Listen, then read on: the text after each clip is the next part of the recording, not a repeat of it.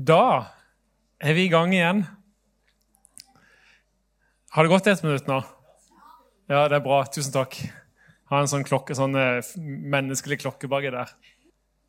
Det er jo litt brutalt å løpe igjennom dette gigantiske landskapet sånn som vi har gjort nå. Så jeg, jeg vet ikke om jeg ber om unnskyldning, men jeg håper dette er mer et startpunkt enn at du tenker at nå skal dere ha fått med dere alt, eller at det er så massivt at du tenker at dette orker jeg bare ikke. Jeg stikker heller hodet ned i sanden, som strutsen visstnok gjør, men som han faktisk ikke gjør.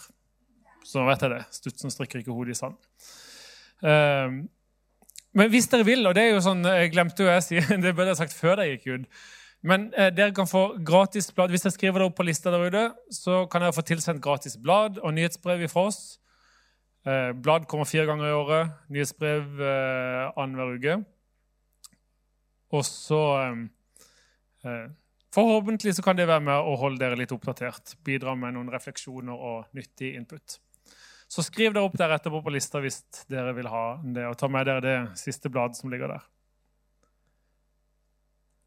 Så skal vi si litt om eh, å vurdere budskapene. For nå har vi snakka om teknologien. og altså, Ting er vevd inn i hverandre. Vi snakker jo om noen av budskapene òg der. Og, og, teknologien er i seg sjøl av og til bærer et budskap. Men mer sånn direkte inn i mediebudskapet som formidles. Og er det sånn at det bare er underholdning? For Noen ganger er det litt sånn lett å tenke at nå skal jeg bare sette meg ned med en eh, god film eller en serie eller sånn seriemaraton, sånn binge-watching, som det heter, og bare slappe av. Sette hjernen på, på tomgir, og så lar vi det suse og gå. Og så tenker jeg, og det, altså, bare, bare, det jeg sier det, så kjenner jeg at åh, det er deilig.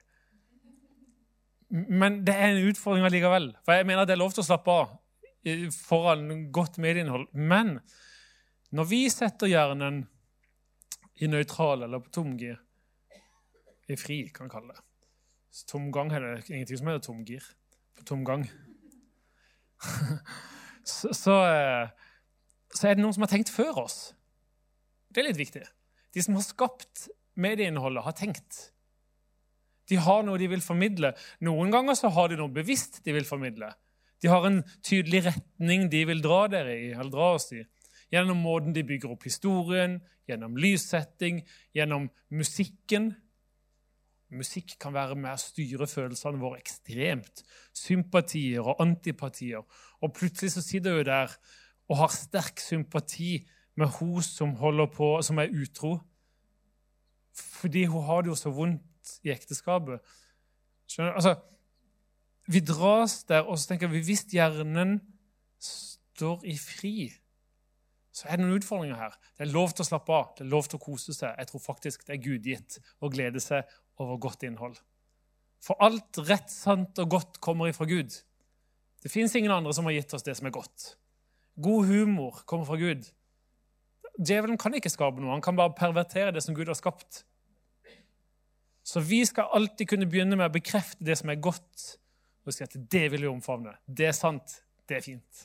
Og heie på det og le godt av det. Og så fins det likevel noe som har i seg som mye som bærer i seg syndefallet. Derfor så må vi være vågne i hvordan vi forholder oss til det. Det betyr ikke at vi alltid skal skru av. For det fins jo jeg tror vi må kunne si det fins ingenting av medieinnhold som er 100% godt. Og det fins heller ikke medieinnhold som er 100% ondt, kanskje. Men vi beveger oss inn i landskapet der vi sier at her er det ikke et sted å gå. Um, men vi må i hvert fall begynne med å anerkjenne at alle har et livssyn. Det er ikke sånn, for Noen ganger så virker det som vi tenker at ja, eh, livssyn det er jo kristne, muslimer, eh, sikher, bahai og alle disse andre. Nei, det er ikke sånn. Alle har et livssyn. Alle har noen briller som de tolker verden gjennom. Det er ikke sånn at ateisme det er, sånn, det, er det nøytrale rommet. Det er ikke det. Det er også en måte å se verden gjennom. En måte å tolke livet på. Så det må vi være bevisst på som en sånn første grunntanke.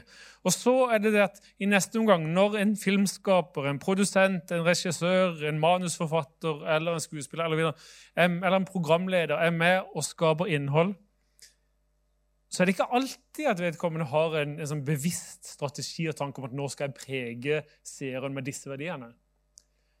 Men ens overbevisning om rett og galt, godt og ondt, det som er verdt å heie på, det som vi bør ta avstand ifra, det former og preger det som skapes.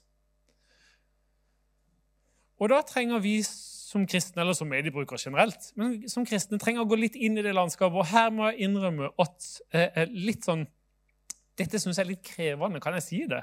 Er det lov til å si det? Det er litt vanskelig. Derfor er mine eksempler kjempelette. Det er ikke sånn kjempe, altså det er sånn, omtrent på det nivået jeg ligger. Men, men det er sånn, da inviterer jeg dere inn i refleksjonen. For dette er, eh, dette er, jo et område som Damaris hadde hørt om Damaris, en organisasjon som, som er en del av vårt arbeid.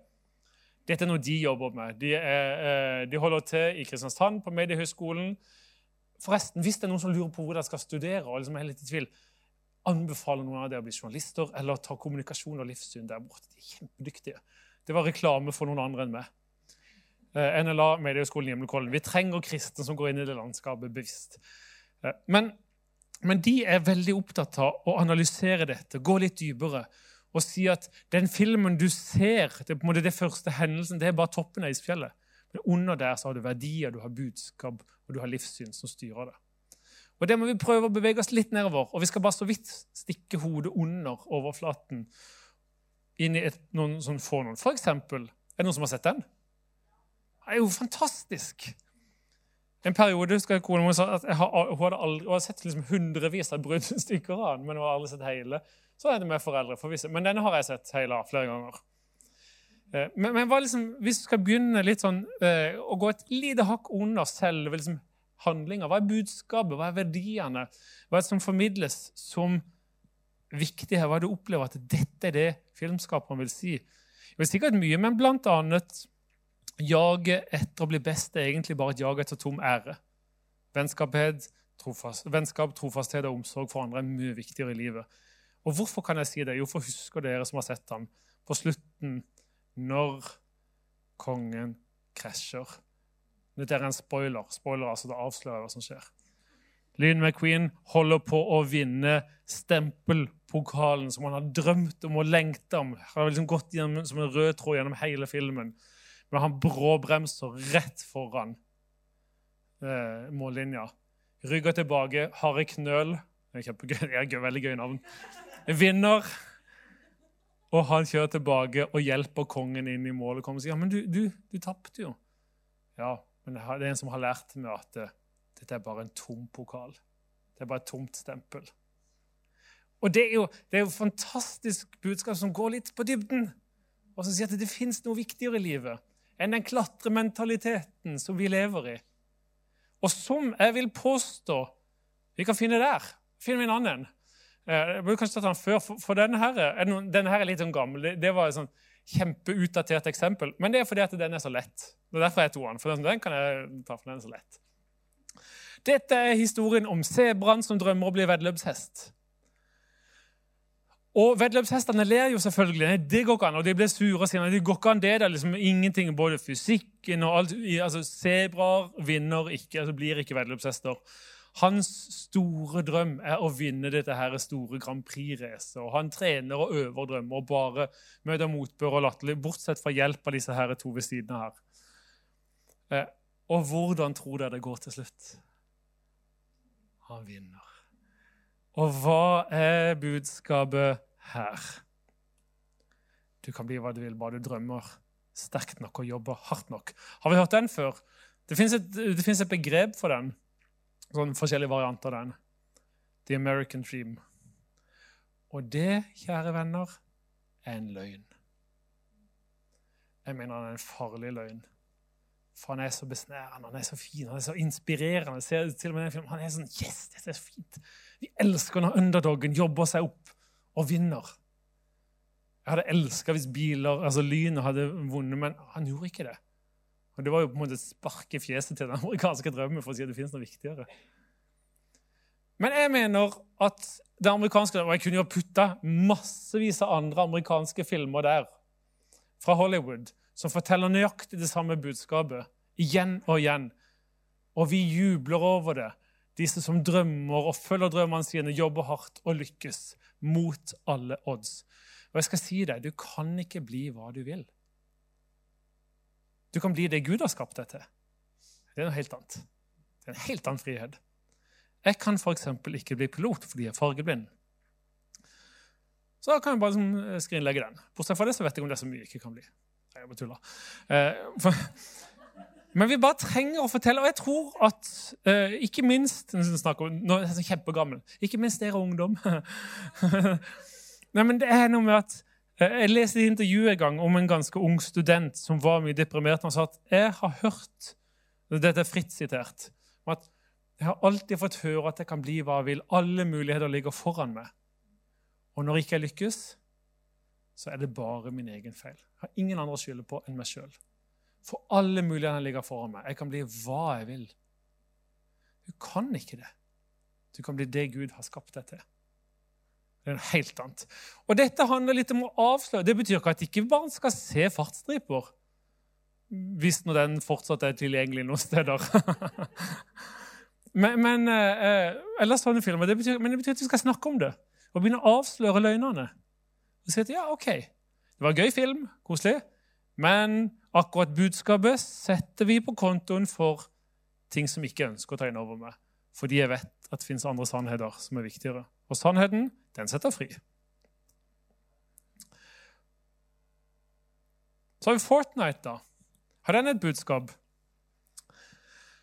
Eh, skal ikke stå som en, sånn, eh, en slags moralsk overdommer. fordi det, det, jeg spilte den, eh, jeg en, Min sønn hadde en arbeidsdag. Jeg spurte han, de skulle, de skulle, samle inn penger til et misjonsprosjekt. Jeg spurte kan du bli med meg på jobb og lære meg å spille Fortnite. Så det var penger til misjonsprosjektet. Men, men eh, det er ikke bra, budskapet. Hvis vi, hvis vi kan godt si at eh, grafikken ikke er brutal. Og det har gjort at han får tolvårsgrense. Men hvis vi går på historien og budskapet som ligger under, så er det at uh, livet er ikke hellig. Egentlig så er ikke livet så mye verdt. Drap er OK som et middel for å vinne over de andre. Det er jo den ekstremutgaven av de sterkestes rett.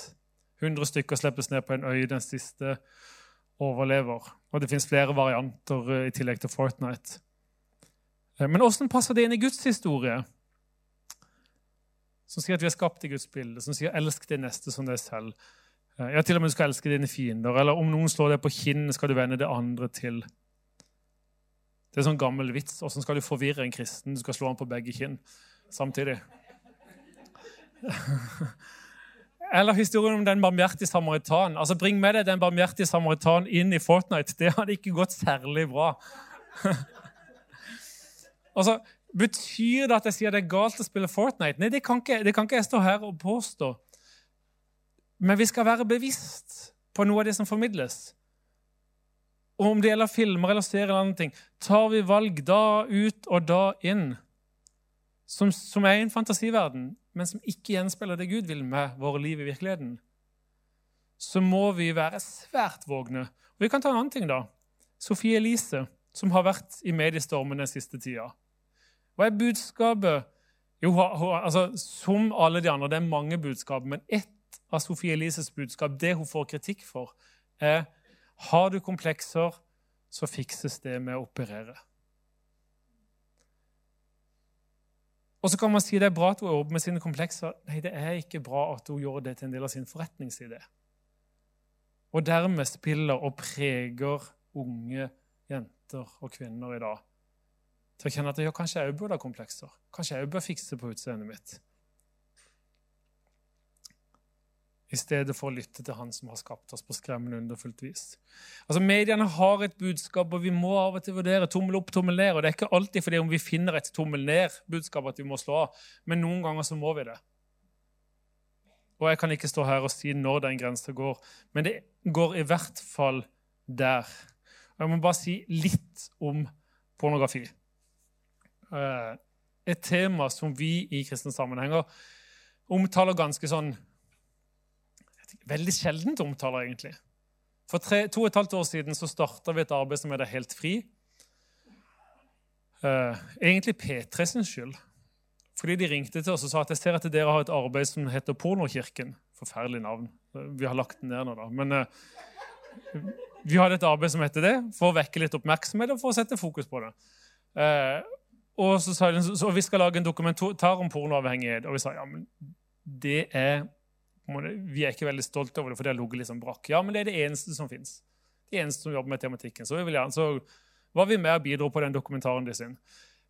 Men da satte vi oss ned og sa at vi må gjøre noe på dette området. Og vi starta helt fri eh, med Alexis Lund som leder. Eh, han var jo på led. Og vi ser at det er så stort behov. Skulle gjerne ønske at det var en bommer som startet det, fordi det ikke er behov for det. Men det er så mange Og hvis vi ser på statistikkene, så, så er, det begge kjønn som bruker det. Eh, erfaringsmessig så er det oss menn som sliter mest med det. Og jeg har ingen problemer med å forstå det. Hallo. Det er jo et landskap som en ganske kjapt skjønner at dette er tiltrekkende. Det er ingen moralsk pekefinger herfra men et budskap om at det er ikke dette Gud har tenkt for oss. Han vil noe annet.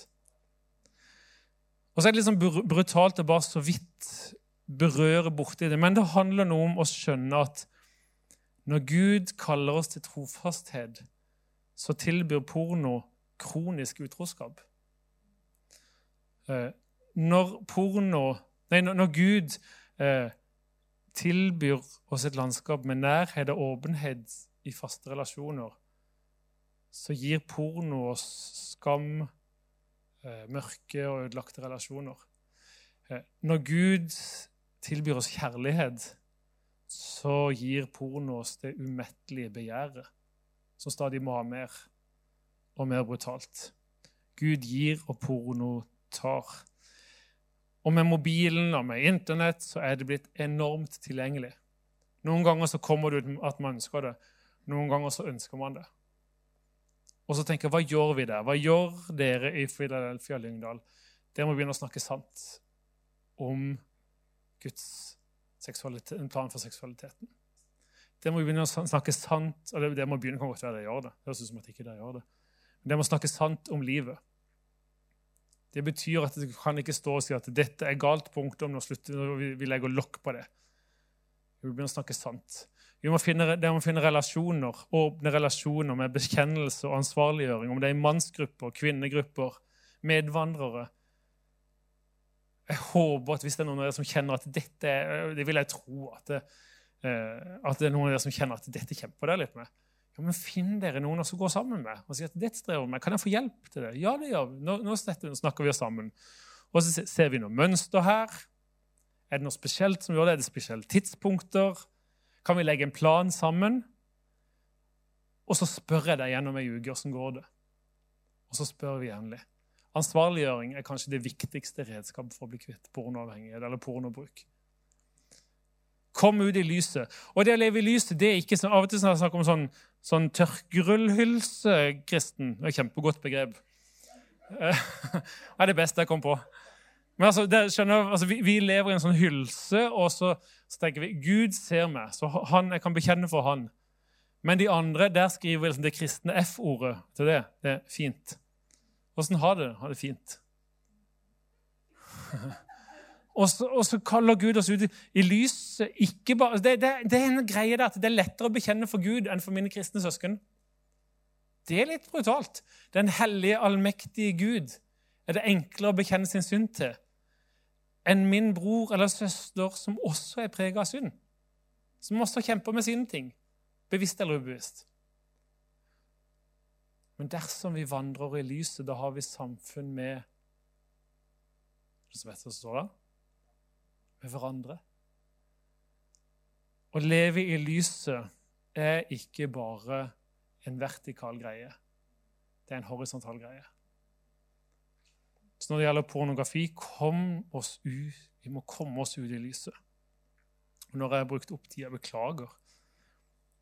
Men det handler om å vurdere valget ditt. Og når du velger etter Guds hjerte, så begynner det å skape spor i livet ditt. Det velges vaner som samsvarer med Bibelen. Du er ikke syndfri. Du vil alltid trenge nåde. Igjen og igjen. Men det å ta imot nåde er også en del av den vanen. Å leve i Guds nåde i en daglig omvendelse. Og så etter hvert så begynner Kristus å skinne ut gjennom våre sprekker. Ikke fordi vi er perfekte, men fordi Gud i oss er hellig. Uh, Leonard Cohen sa at det er en There's a crack in everyone. That's how the light gets out. Eller in. Det var det inn han sa. Begge deler. Så utfordringa er jo hvordan velger vi. Og, og, kanskje tilbake igjen til hva er det vi tørster etter. Det er jo det det dypest sett handler om. Og Ringnes utfordrer oss til å tørste etter det beste. De skulle bare visst og spot on de var.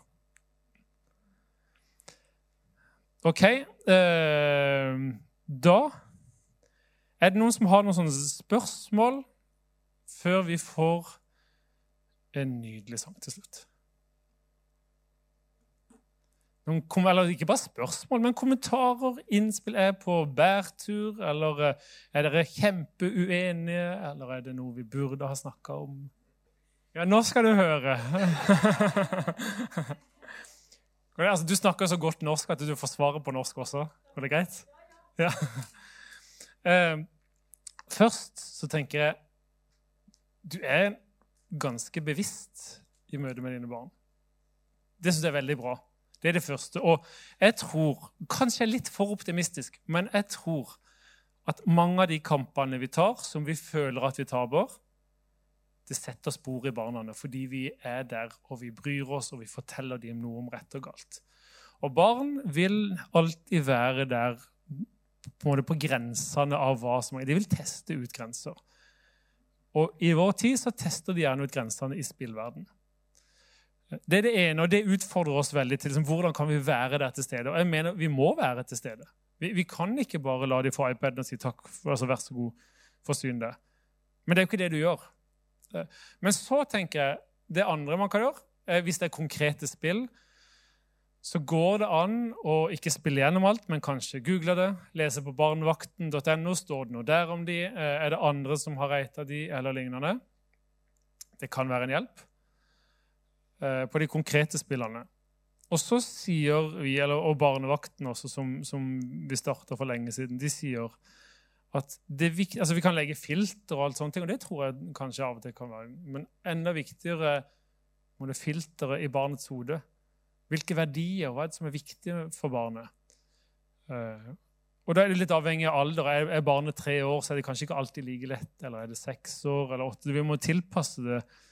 Men det er noe med at kan jeg bare ta et eksempel? Jeg prøver ikke, jeg prøver ikke å bruke mine barn. jeg har nevnt allerede, men uh, Jeg har en 13-åring hjemme. Skal han få spille Fortnite eller ikke? Uh, det er jo en sånn kamp. Og så har vi funnet en sånn kompromissløsning. Og så har han etter hvert begynt å liksom, ha lyst til å spille Apex Legends, det der, som er liksom for 16 år, litt lignende. og så ser vi at kanskje Nei, dette vil jeg egentlig, men kanskje vi faktisk av og til må ha noen kompromisser. Men da skal vi snakke mye sammen. Jeg vet ikke alt som foregår, men du skal vite noen grunnleggende ting om livets verdi. Om, eh, altså i dette landskapet, om, om, at Gud har skapt livet hellig. Jeg skal gi deg noen verdier i livet som gjør at du kanskje sjøl etter hvert skjønner at dette ikke er bra. Du snakker om chatten, f.eks.